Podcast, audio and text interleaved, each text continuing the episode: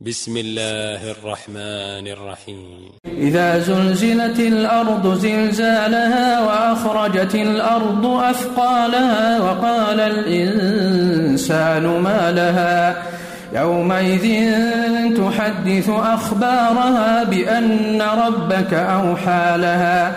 يومئذ يصدر الناس أشتاتا ليروا أعمالهم فمن يعمل مثقال ذرة خيرا يره ومن يعمل مثقال ذرة شرا يره.